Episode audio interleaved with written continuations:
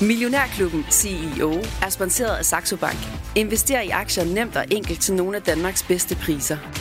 Og 3 Business, som hver dag arbejder på at finde den mest professionelle erhvervsløsning for dig og din virksomhed, uanset om du arbejder på kontoret, hjemmefra eller på forretningsrejsen. Millionærklubben fra Jørgen Vester med Simon Rikard Nielsen.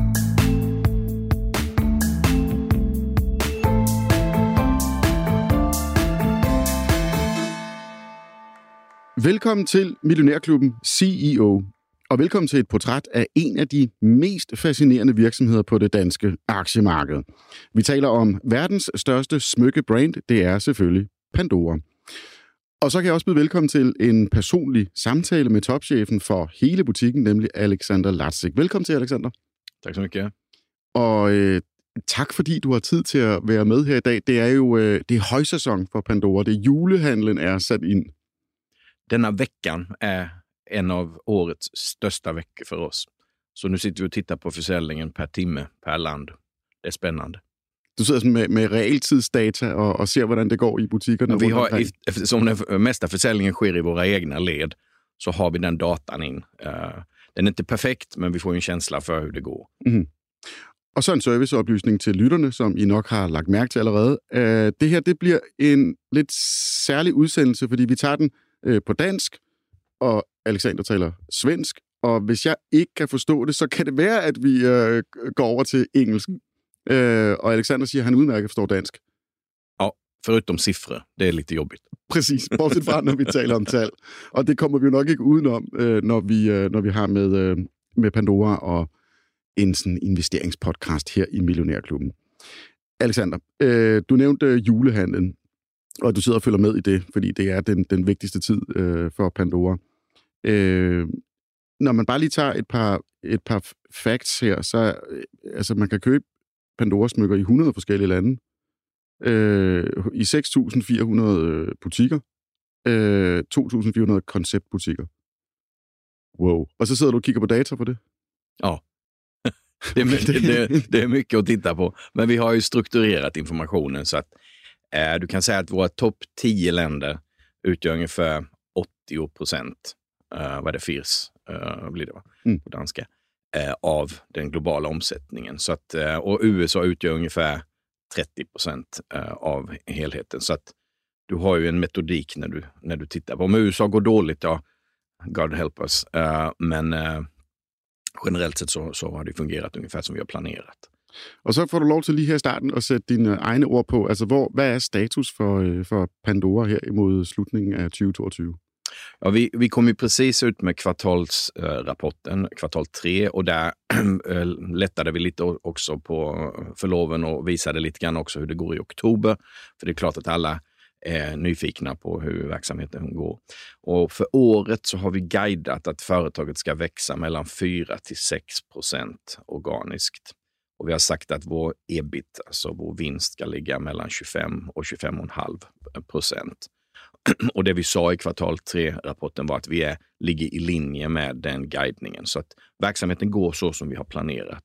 Och det är vi ganska nöjda med med tanke på att när vi gick ut med guidningen så hade vi inget krig. Vi hade inte den här inflationen och så vidare. Så det är rätt mycket problematik som vi har lyckats absorbera under årets gång. Så, så vi är väldigt stolta med, med de resultaten som vi har fram till nu. Og øh, når, når I er stolte over det, er det fordi, at I har gjort noget, noget særligt for at navigere i den her urolige tid? Nej, Vad jag tror att, eh, för det har varit mycket diskussion under de senaste åren huruvida hur stabilt Pandora egentligen är. Eh, och där, nu visar vi att genom, dels genom pandemin så stod vi väldigt starka. Vi, vi tog marknadsandelar globalt och verksamheten var i så att säga, bra shape. Eh, och även detta året med kanske ännu mer turbulens än vad vi hade. Eh, tro- jag tror vi alla hade hoppats på att när covid var borta så we go back to normal. Eh, men det har ju visat sig precis tvärtom. Mm. Eh, och med, med tanke på det då fortfarande leverera tillväxt. Eh, det, det är det vi är stolta över. Så att det finns en stabilitet i verksamheten. Det är liksom underliggande det är, är en stark förrättning och det är vi nöjda med. Er det, hvis vi bare lige tager øh, de overordnede linjer, er, er det fordi, at Nordea, nej, undskyld, at Pandora er inde på det her segment øh, på, på smykker, altså det er, I kalder det affordable øh, jewelry, Ja. uh, affordable luxury, som det jo hedder uh, bredt betegnet, er, er det mindre følsomt over for inflation? alltså att folk har färre pengar mellan händerna och så vidare? Det finns mycket spekulationer om det här, men om du, om du tittar historiskt när vi har haft stora så att säga, världskriser så har den här kategorin, alltså juvelkategorin generellt sett, klarat sig ganska bra. Och även om du går tillbaka till till exempel finanskrisen 2008-2009. Uh, då, hade, då var det ju en, en, väldigt, väldigt tuff situation i USA, så där gick ju juvelmarknaden ner kanske 15-20 procent. Men efter 18 till 24 månader så var den tillbaka i tillväxt. Under tiden så växte Asien och Europa höll ställningarna. Så över perioden 2007 till 2009 så, så låg den mer eller mindre eh, platt. Eh, och vad jag vill ha sagt med det är att det också nu när alla pratar om att det är kris och det är liksom mycket så säga, som händer runt om i världen. Ja, det gör det. Men det händer med olika orsaker och olika timing. Så att världen är inte, det är liksom inte en situation som påverkar allt, utan det är olika drivers. Så om du till exempel tittar på Latinamerika, de hade ju inte så starka ekonomier när, när den här situationen med eh, corona hände. Så de kunde ju inte så här, stötta människor med, med checks och så vidare. Så där gick folk den hårda vägen. Så den studsar nu tillbaka. Eh, tittar du på Europa så är vi väldigt bekymrade över energipriser och räntenivåer. Men åker du till USA så är inte energipris någonting man diskuterar nödvändigtvis, utan där kanske lite mer fokus på, på räntesituationen. Och åker du sen till Asien och till Australien till exempel, ja då är det helt andra drivers. Eh, Thailand, där vi har all vår tillverkning till exempel, de utlyste att pandemin var slut bara för två månader sedan.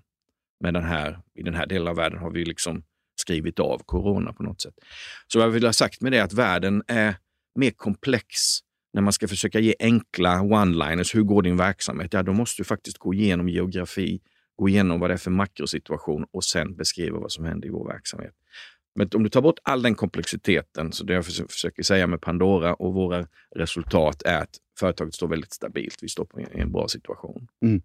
Och eh, bara lite overordnede förväntningar. Sista år var det en omsättning på, nu ser jag lite på engelska, 23,4 mm -hmm. eh, billion, 23,4 miljarder eh, kronor.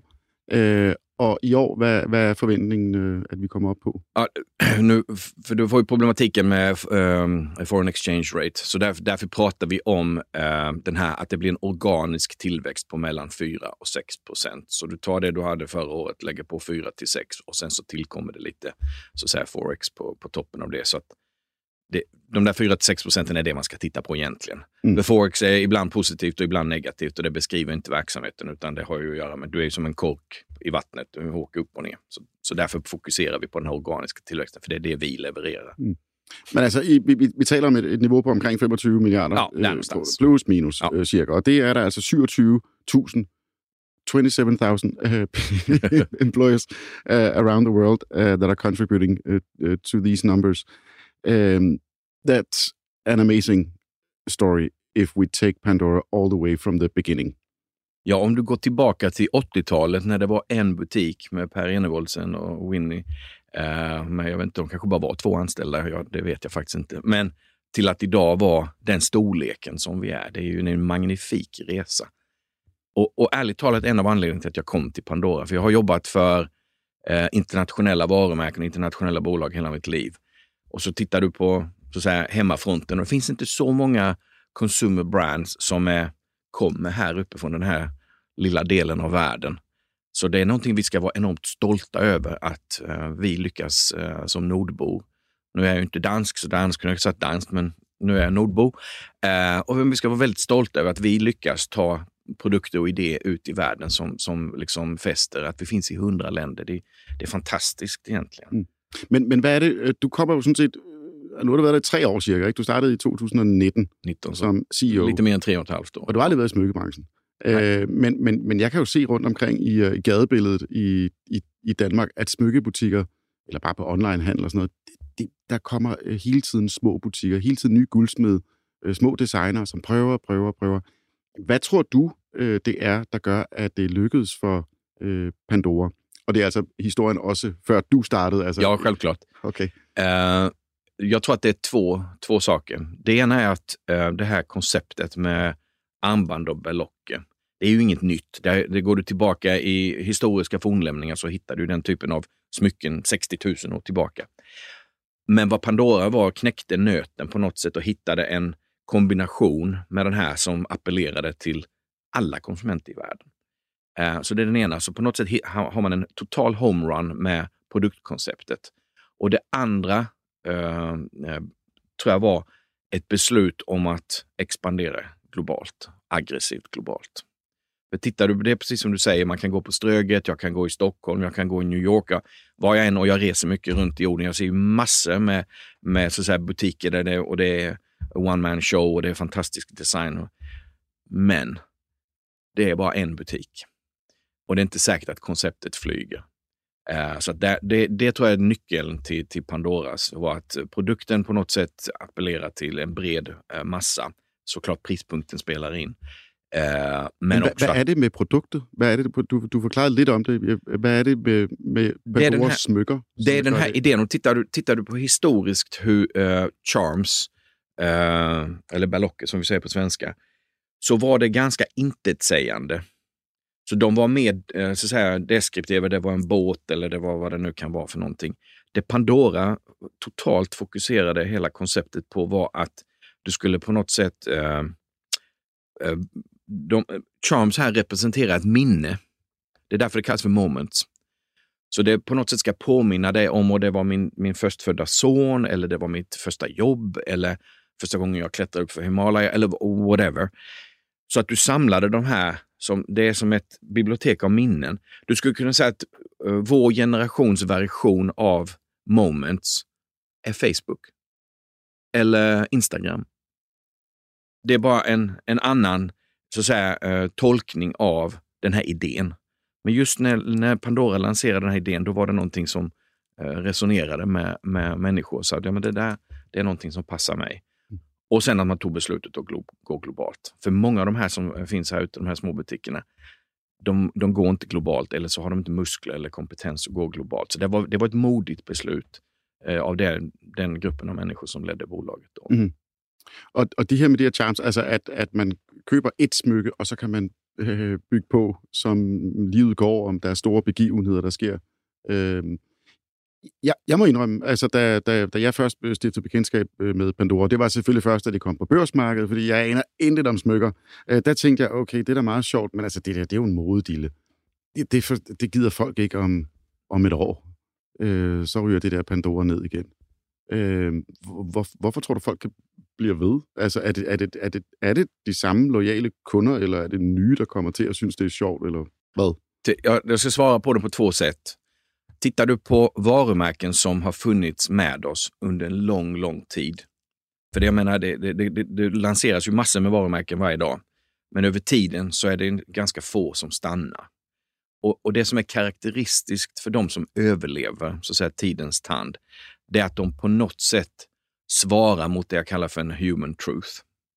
Det är någonting där som stämmer med din världsuppfattning om saker och ting.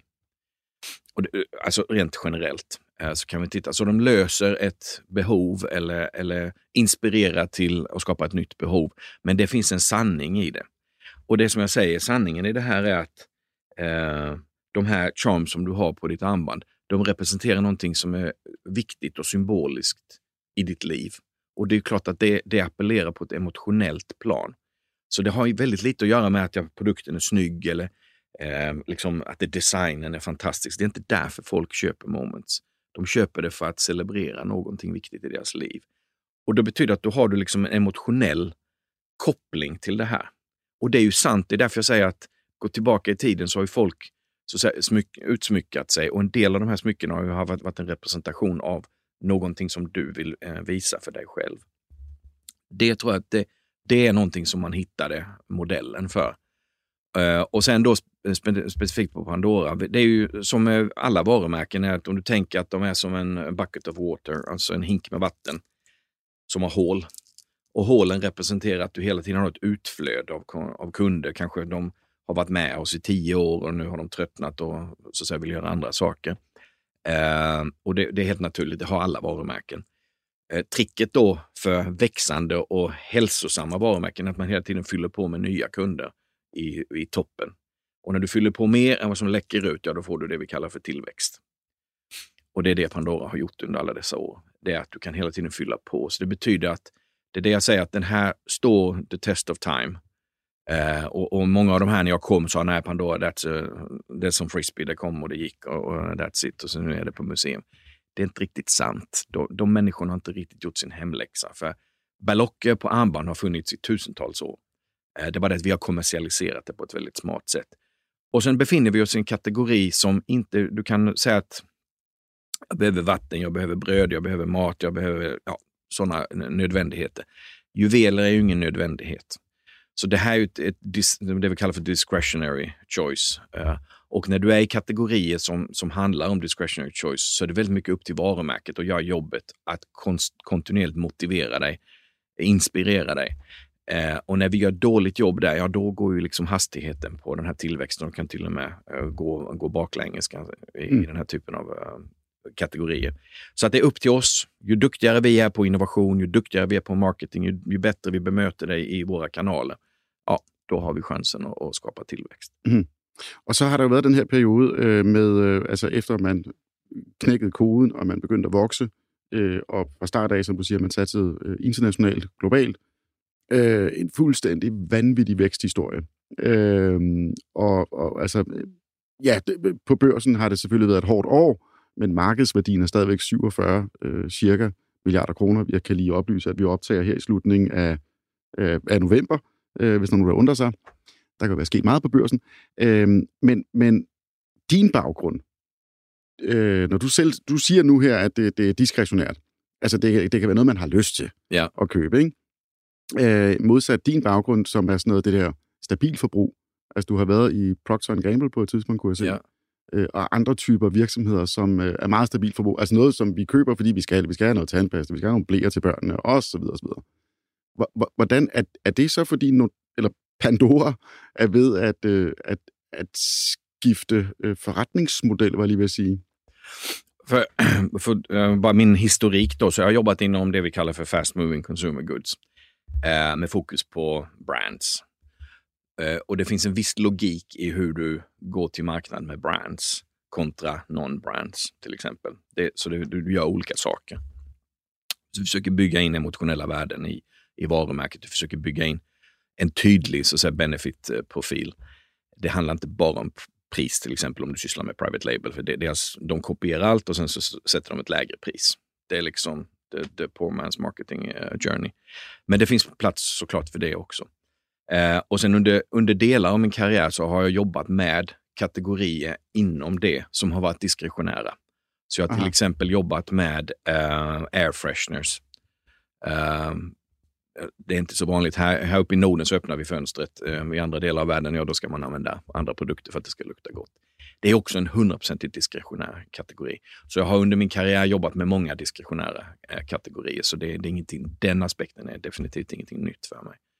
Uh, och det som är, som jag säger, det, jag har alltid sysslat med varumärken och varumärkesbyggande. Så det är samma sak. Det finns en viss logik i hur du läser uh, konsumentbehov, uh, hur du gör marketing och, och sådana här saker. Innovationsprocessen, eh, är ungefär, själva processen är ju ungefär samma.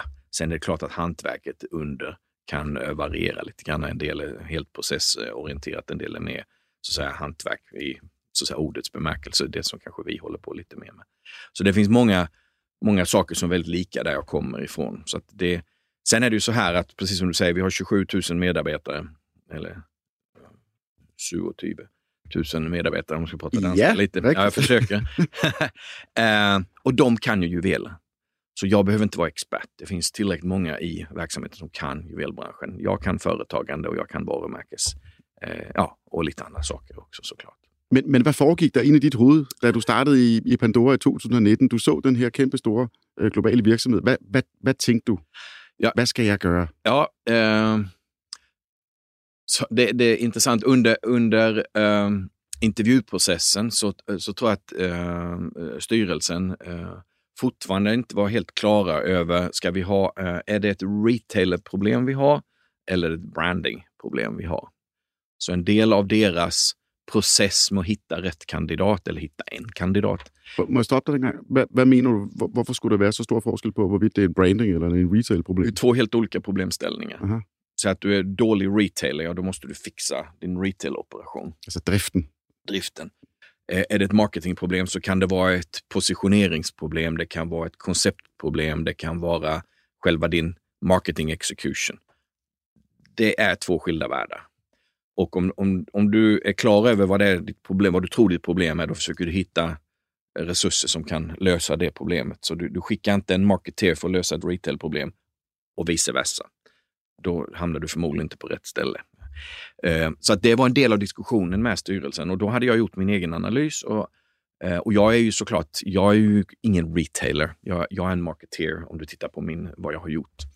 Eh, Så jag sa det till styrelsen, jag tror att ert problem är inte retail. Det är möjligt att vi kan bli bättre på retail, men kärnan till att verksamheten går, går negativt som den gjorde under en period så Mm. är i min värld 100% ett brandingproblem.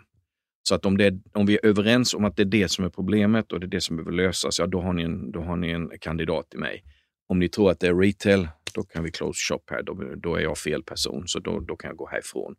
Eh, Men det var min analys och sen var det givetvis styrelsens jobb att ta ställning till vad är det vi försöker lösa här. Och eh, ja, med resultat i hand så, så tror jag att de valde rätt. Okay, du nævner branding, du nævner retail. Øh, det er jo også en produktionsvirksomhed. Det Eller också- vad? Um... Det har med att göra med affärsmodellen, att du är vertikalt integrerad. Jag menar, vi, om jag skulle säga att jag är en producent, ja då, då producerar jag åt någon annan. Men i min värld, så det som driver hela det här, det, det Pandora är för mig, är att vi är en affordable luxury brand. Det är vad vi är. Så om du är som är potentiell aktieägare eller är aktieägare till oss, det är det du har köpt in dig till.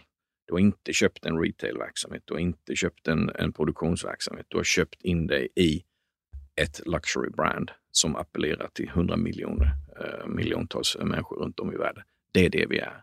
Det är det som driver, det är anledningen till att människor kommer till oss, är för att de är intresserade av vad varumärket har att erbjuda.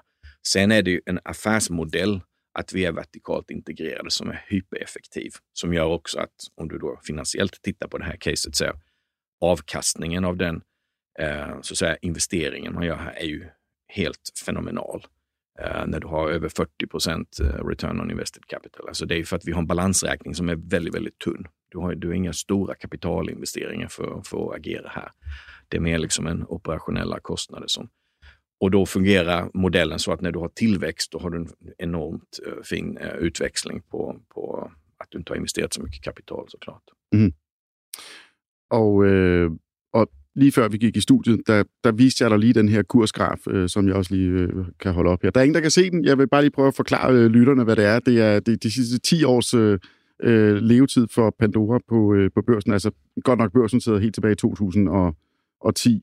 Øh, og så var der altså en lang periode på flere år, 4, 5, 6 år, med vanvittige stigninger. Og så var der en ordentlig nedtur.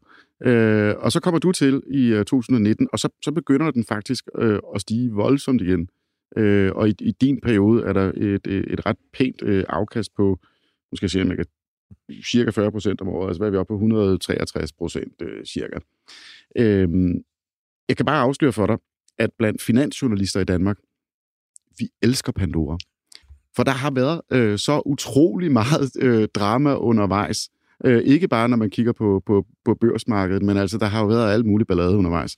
Øh, er, er, du kommet til for at gøre Pandora kedelig?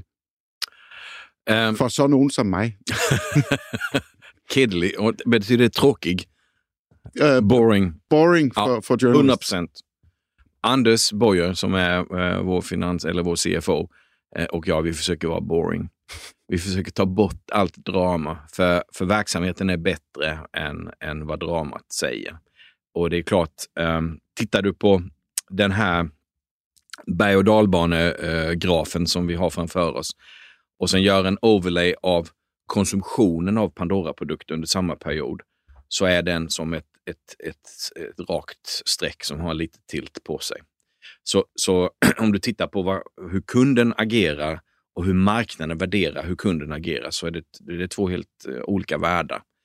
Och, och differensen här är ju såklart att eh, kommunikation och eh, leverans så att säga, från företagsledningens sida mot marknaden har ett stort gap och har historiskt haft ett stort gap. Så marknaden har, har helt enkelt eh, ena stunden haft ett enormt förtroende för verksamheten och nästa fullständigt eh, säga att nej, vi har inget förtroende och då får du de här svängningarna i aktiekursen såklart. Mm. Så det vi försöker göra är att skapa en verksamhet, eller skapa, försöker driva en verksamhet som är stabil och då få värderingen av bolaget att också vara stabil. Og jeg, og jeg kan også se, når man kigger på analytikerne øh, lige nu, øh, så er der faktisk kun en ud af, jeg tror det er 21 analytikere, som, som mener, man skal sælge. Resten de er sådan fordelt på, på, på køb og hold. Ja. Og jeg ved, du ikke har nogen øh, interesse i at gå ind i en infight med øh, analytikerne, men, men kunne du ikke fortælle lidt om, hvad du, hvad du øh, jeg vil lige sige, hvad du drømmer om? Øh, altså, hvis, hvis du kan tage det der Pandora-brand, altså, hvor meget mere kan det trække, hvis du sådan tænker stort? Alltså det, det, vi säger är så här att vårt jobb det är att driva förrättningen så bra som möjligt. Eh, øh, Pandora har en enorm potential. Eh, vi har byggt eh, ett globalt varumärke. Vi har byggt en global distributionsnätverk och vi har skapat en, en produktionsapparat eh, som är den, jag skulle säga, den mest avancerade och mest sofistikerade som du hittar i industrin. Så du tar de här tre sakerna och sen så tar du positioneringen av varumärket som numera är, tror jag, mycket mer tydligt. Det är en fantastisk mix för att skapa bra tillväxt. Det vi har sagt i vårt eh, strategiarbete och det vi pratade om, vi hade ju en kapitalmarknadsdag förra året, var att det vi skulle vilja att, eh, så att säga, våra ägare och potentiella ägare och analytiker, så att säga, våra stakeholders, när de tittar och tänker på Pandora så tänker det är ett stabilt företag som växer minst i linje med hur den marknaden växer. Och den här marknaden under de sista tio åren har växt lite snabbare än vad eh, Gross eh, Domestic Product, alltså GDP, har växt. Så det är en attraktiv kategori, för den växer lite snabbare än bruttonationalprodukten. Det är en väldigt lönsam kategori. Och är du stor som vi är, då har du också skalfördelar. Så det är så vi skulle vilja att företaget eh, ses på. Och det då gör att vi åtminstone skulle ha en värdering som är i linje med var kategorin ligger. Och då man vågar drömma lite så förra året när vi var upp mot 950 kronor, då var vi värderade ungefär som snittet eh, av marknaden. Sen har ju hela så att säga, marknaden gått ner under året, men det tror jag är en relevant medel på medellång sikt, att vi ska få en värdering som faktiskt står i samklang med det vi levererar. Och sen kan man drömma lite längre då för att Eh, att vara som alla andra är inte riktigt min melodi, utan vi vill gärna vara lite bättre. Så då skulle man kunna tänka sig att man kan få multipelförändring, men då kanske vi måste göra lite andra saker. Men bare så, så jeg lige forstår øh, det, øh, det svenske her. Ja. ikke at jeg ikke forstår, hvad du siger. Øh, i, jo, jeg forstår måske ikke helt. Jeg skal bare lige forstå det rigtigt. øh, altså, du siger, når du, når du taler om markedet, altså jeres segment, så mener du affordable luxury. Vi mäter oss med alla, alla större bolag eh, som är noterade globalt. Så vi har en basket på 20 företag där vi tittar. Okay. Där har du LVMH, Caring, Puma, Adidas, eh, Coach, eh, eh, några eh, asiatiska verksamheter och så vidare. Så att vi, vi, för, så vi är liksom i luxury fashion eh, världen. Det är den basket som vi jämför oss mot. Och det, och det marked, det segment, det växer så hurtigare än bruttonationalproduktet? Över de sista tio åren så har det växt ungefär dubbelt så snabbt som bruttonationalprodukten. Mm. Så om vi säger att den globala bruttonationalprodukten har legat någonstans runt 2 och klart geografiskt så varierar det lite, men om vi tar globalt så är det runt 2. Då har den här kategorin växt runt 4. Mm. Det beror lite på vilken källa man går till, men där någonstans. Ja. Så om du tittar på det som investerare säger okej, okay, jag ska investera pengar i en kategori. Och här har du en kategori som historiskt alltid växer och lönsamheten är fenomenal. Och sköter du ditt varumärke då har du hög lojalitet så du kan ha liksom ett cashflow som, som kommer till, till kategorin och kommer till ditt varumärke. Och har du så en bra förrättningsmodell, ja, då är du Pandora. Ja, men jag syns också att du beskriver Pandora nu som, som en moden virksomhed. Altså, nu, nu er Pandora kommet op på det niveau, hvor den, hvor den altså en global spiller. Du kan ikke vokse sådan i raketfart herfra. Nej, vi, vi, ja, vi kanske skulle kunna, men det, vi har valt att säga att vi vill ha en moderat tillväxttakt. För vad du gör med det är då eh, är att vi har en moderat tillväxttakt, eh, åtminstone på medellång sikt, men också med en bibehållet attraktiv finansiell struktur. Vill du växa kraftigt, låt oss säga, det kan du göra under perioden när du kommer till exempel med en sån innovation som Moments, som är ny för världen, det är en hit, ja då kan du växa väldigt kraftigt. Men över en ekonomisk cykel så, får vi, så har vi ju mognat nu, för vi, nu, nu kan vi, har vi inte så många nya marknader att springa till, utan nu handlar det om att växa i befintliga marknader i en kategori som inte i sig erbjuder explosiv tillväxt. Den erbjuder bra tillväxt och då säger vi att vi ska vara minst i linje med det som kategorin växer. Helst lite snabbare, men okej, okay, vi börjar med det. För då skickar en signal till eh, eventuella investerare att, att här har ett företag som är stabil tillväxtkurva både på toppen och bottom line. Det vill säga låg risk.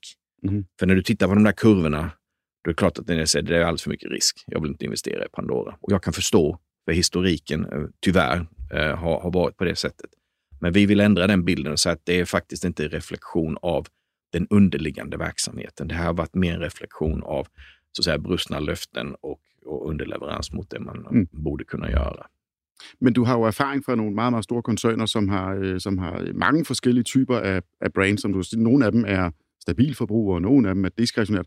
Kunne man forestille sig, øh, Pandora lancerer, nu skal vi til at lave uger, eller nu skal vi til at lave gadgets, øh, fordi vi er gode til at designe, og vi har globale butikker, og hvad ved jeg. Altså at lave noget helt sådan anden og tredje. Det, det, skulle man kunna tänka sig såklart. Eh, och vi har gjort en hel del arbete för att försöka förstå hur mycket du kan sträcka varumärket. Hur, I vilka kategorier är det relevant att Pandora kan dyka upp i? Och tittar du på många eh, varumärken inom så att säga, luxury-segmentet så spelar de ju över ett ganska brett register.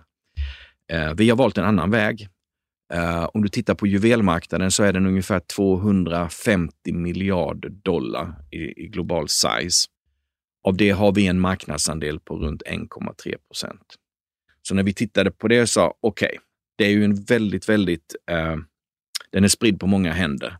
Det betyder att är du framgångsrik där så kan du också vara en konsoliderande faktor. Eh, och vi tror att när vi, när vi tittar på våra möjligheter så har vi fortfarande en väldigt stor eh, så att säga, tillväxtpotential inom juvelbranschen. Det betyder att jag stannar där jag är duktig. Jag behöver inte investera i ny kompetens, utan jag kan fokusera på det som jag redan är bra på. Hade jag haft en marknadsandel på 40 procent, ja, då kanske jag har ett annat behov att gå någon annanstans. Men vi har inget behov. Vi kan stanna i vår swimlane eh, och bara fortsätta att svimma, eh, simma snabbare där och generera bra avkastning för våra aktieägare. Så det är vår strategi är att fortsätta inom juvelspåret. M&A Ja, det, det, tittar du på historiken på M&A är, är, är alltid, eh, så att säga, teorin är mer attraktiv än vad verkligheten är. Av tio, av tio M&A så är, säger statistiken i alla fall att sex stycken förstör shareholder value. Två stycken är, är plus minus noll, så du kunde lika väl vara utan. Och sen är det två som genererar shareholder value. Mm. Det är ju sett över en ekonomisk cykel. Så som CEO så kan jag ju gå in och göra förvärvet. Eh, brintiden på CEO är tyvärr ganska kort nu för tiden. Så det, så det finns ju ett kortsiktigt incitament, kanske för en ledningsgrupp eller en CEO, att göra förvärv och sen uh, flytta på sig. Och den dagen kanske det inte smakar lika gott längre. Mm. Uh, så att uh, visst, det finns, jag tror inte det finns någon verksamhetsledare som säger att man inte att man inte tittar på M&A. Men i vår tillväxtstrategi som vi lanserade förut så sa vi att under strategiperioden ser vi ingen aktiv aktivitet runt M&A.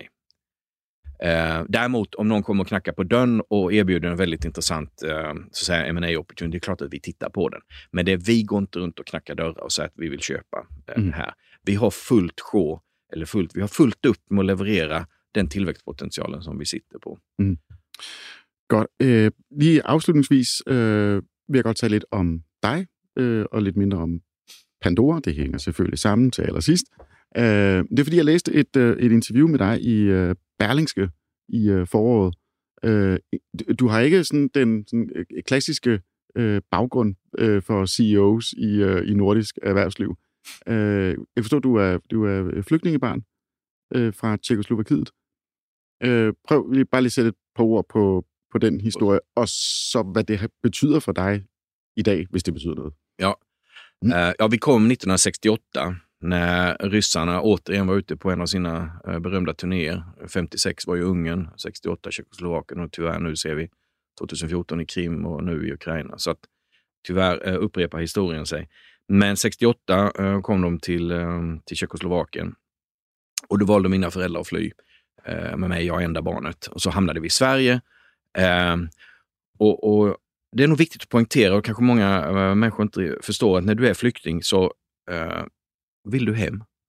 Mm. man, man, visst, det finns en viss ekonomisk migration som, som driven av andra drivkrafter, men när du har folk som kommer från den här typen av situationer, de, de kommer, de vill så att säga, undvika död och, och förintelse eh, för att sedan återvända hem. Eh, men vad som hände efter 68 var ju att eh, den här så att säga, eh, Eh, muren gick upp i Europa och vi fick ett öst och ett västeuropa i praktiken. Och, så det fanns ingen möjlighet att, att återvända. Så därför stannade mina föräldrar i, i Sverige. Så jag växte upp i Sverige. då.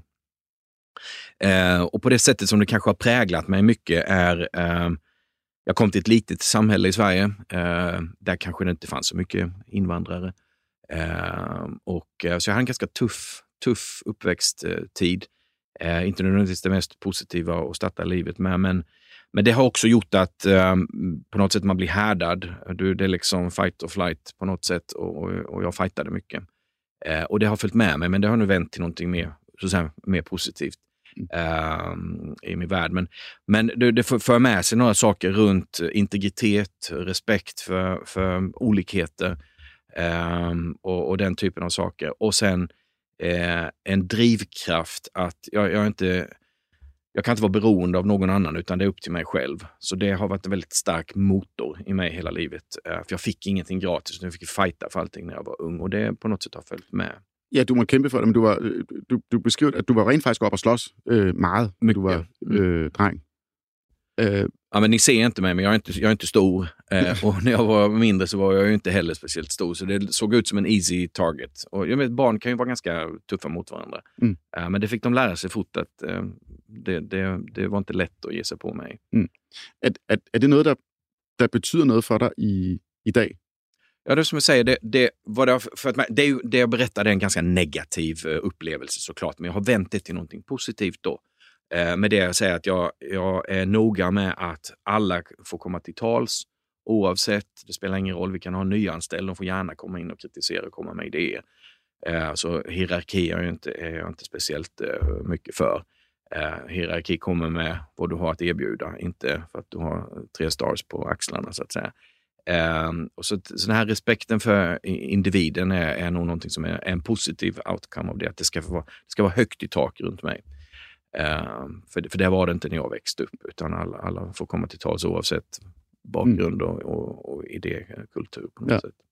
Hvordan, hvordan ser du dig selv som, som leder, altså som topchef? Og du kan jo tale frit, fordi din, øh, konsol, din koncerndirektion er her, ikke? Så du... uh,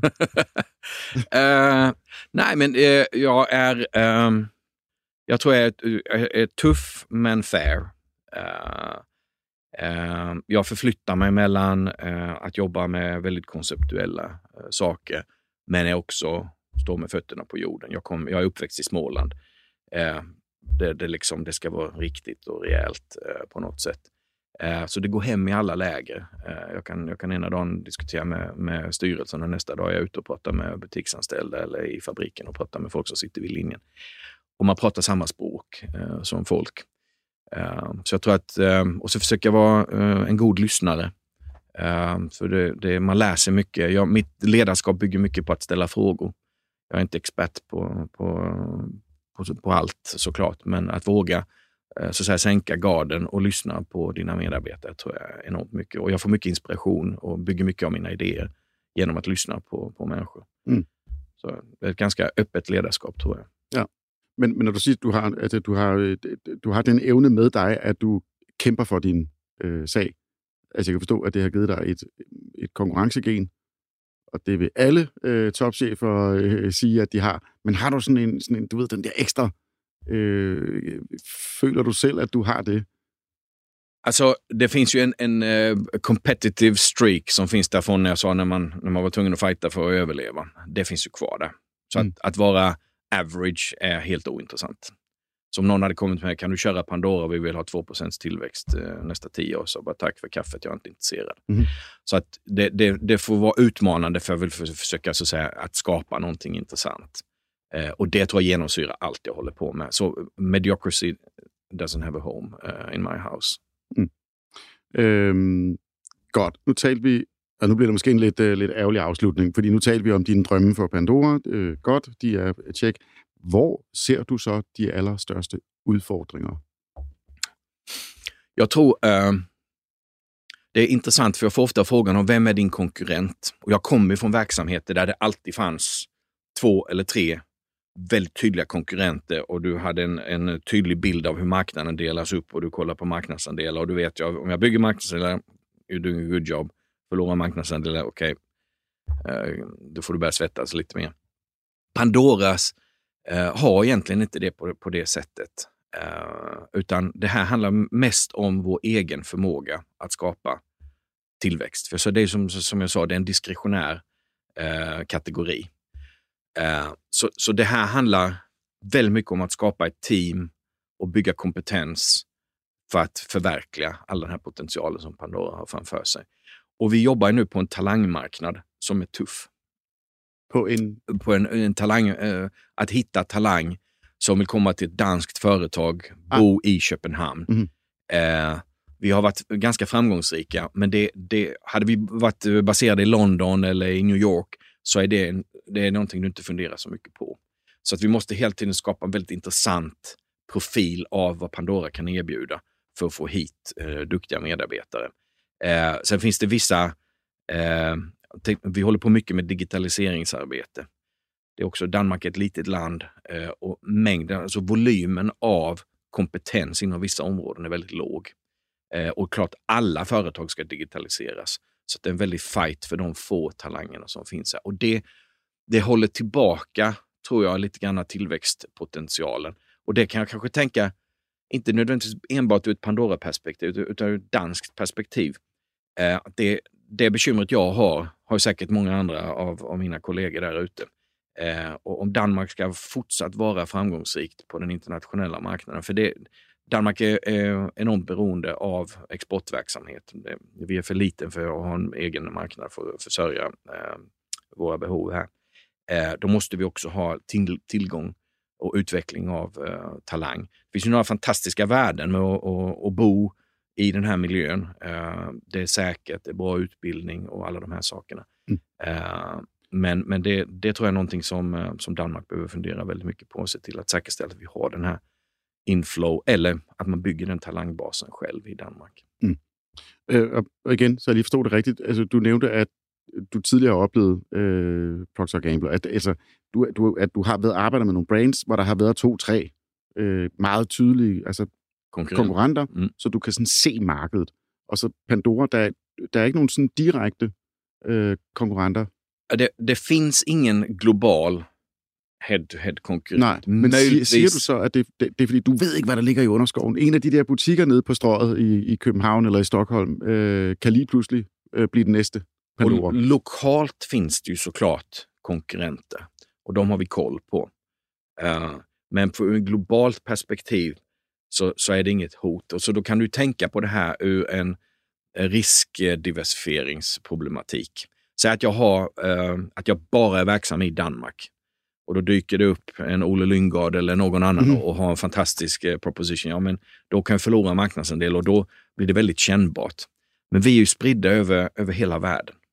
Så med det får du en, en riskdiversifiering som är ganska bra.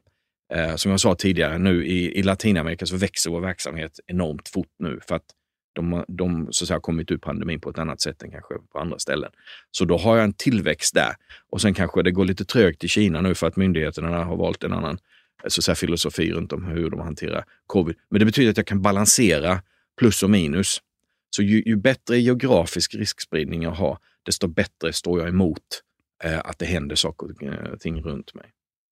Alexander Latzik, jeg vil bare sige uh, tusind tak, fordi at du deltog her i uh, Millionærklubben, i den her specialudsendelse, som vi kalder Millionærklubben CEO. Tak for det. Tak så mycket. Og til lytterne vil jeg sige tak, fordi I lyttede med. Millionærklubben den sædvanlige version er jo tilbage, som altid, mellem 9 og 10. Mit navn er Simon Rikard Nielsen. På genhør.